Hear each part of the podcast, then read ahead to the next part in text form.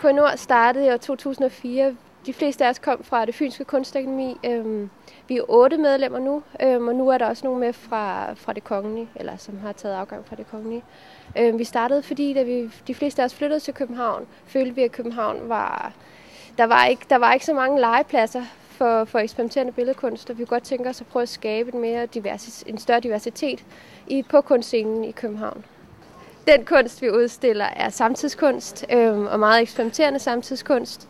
Øh, jeg tror, man kan sige, det er konceptuelt baseret, altså idébaseret øh, samtidskunst. Øh, vi har ikke haft så mange billeder, sådan maleriudstillinger det sidste stykke tid, fordi vi synes, at det er der rigelige muligheder for at udstille, også i København. Men der er ikke så mange rum, der virkelig lægger, lægger plads og vægge til at lave installationer og større og tungere og svære projekter at lave. Det er vigtigt at være non-profit og ikke kommercielle, fordi at, øh, det er jo ikke det, der skal drive kunsten. Øh, man kan sige, at det, det, der skal drive kunsten, er et ønske om at udvikle kunsten som et sprog og som en forskning og som en viden og som et ja, billede, billedforskning, kan man sige. Øhm, og det er tit og ofte, man ser, at når kunsten er drevet af, af et pengemarked, at den bliver øh, fastlåst i en, en bestemt forventning om, at kunsten skal tilfredsstille, og, og det er jo noget, vi ønsker, ikke ønsker at være del af. Døren er altid åben for, for folk i området og andre interesserede.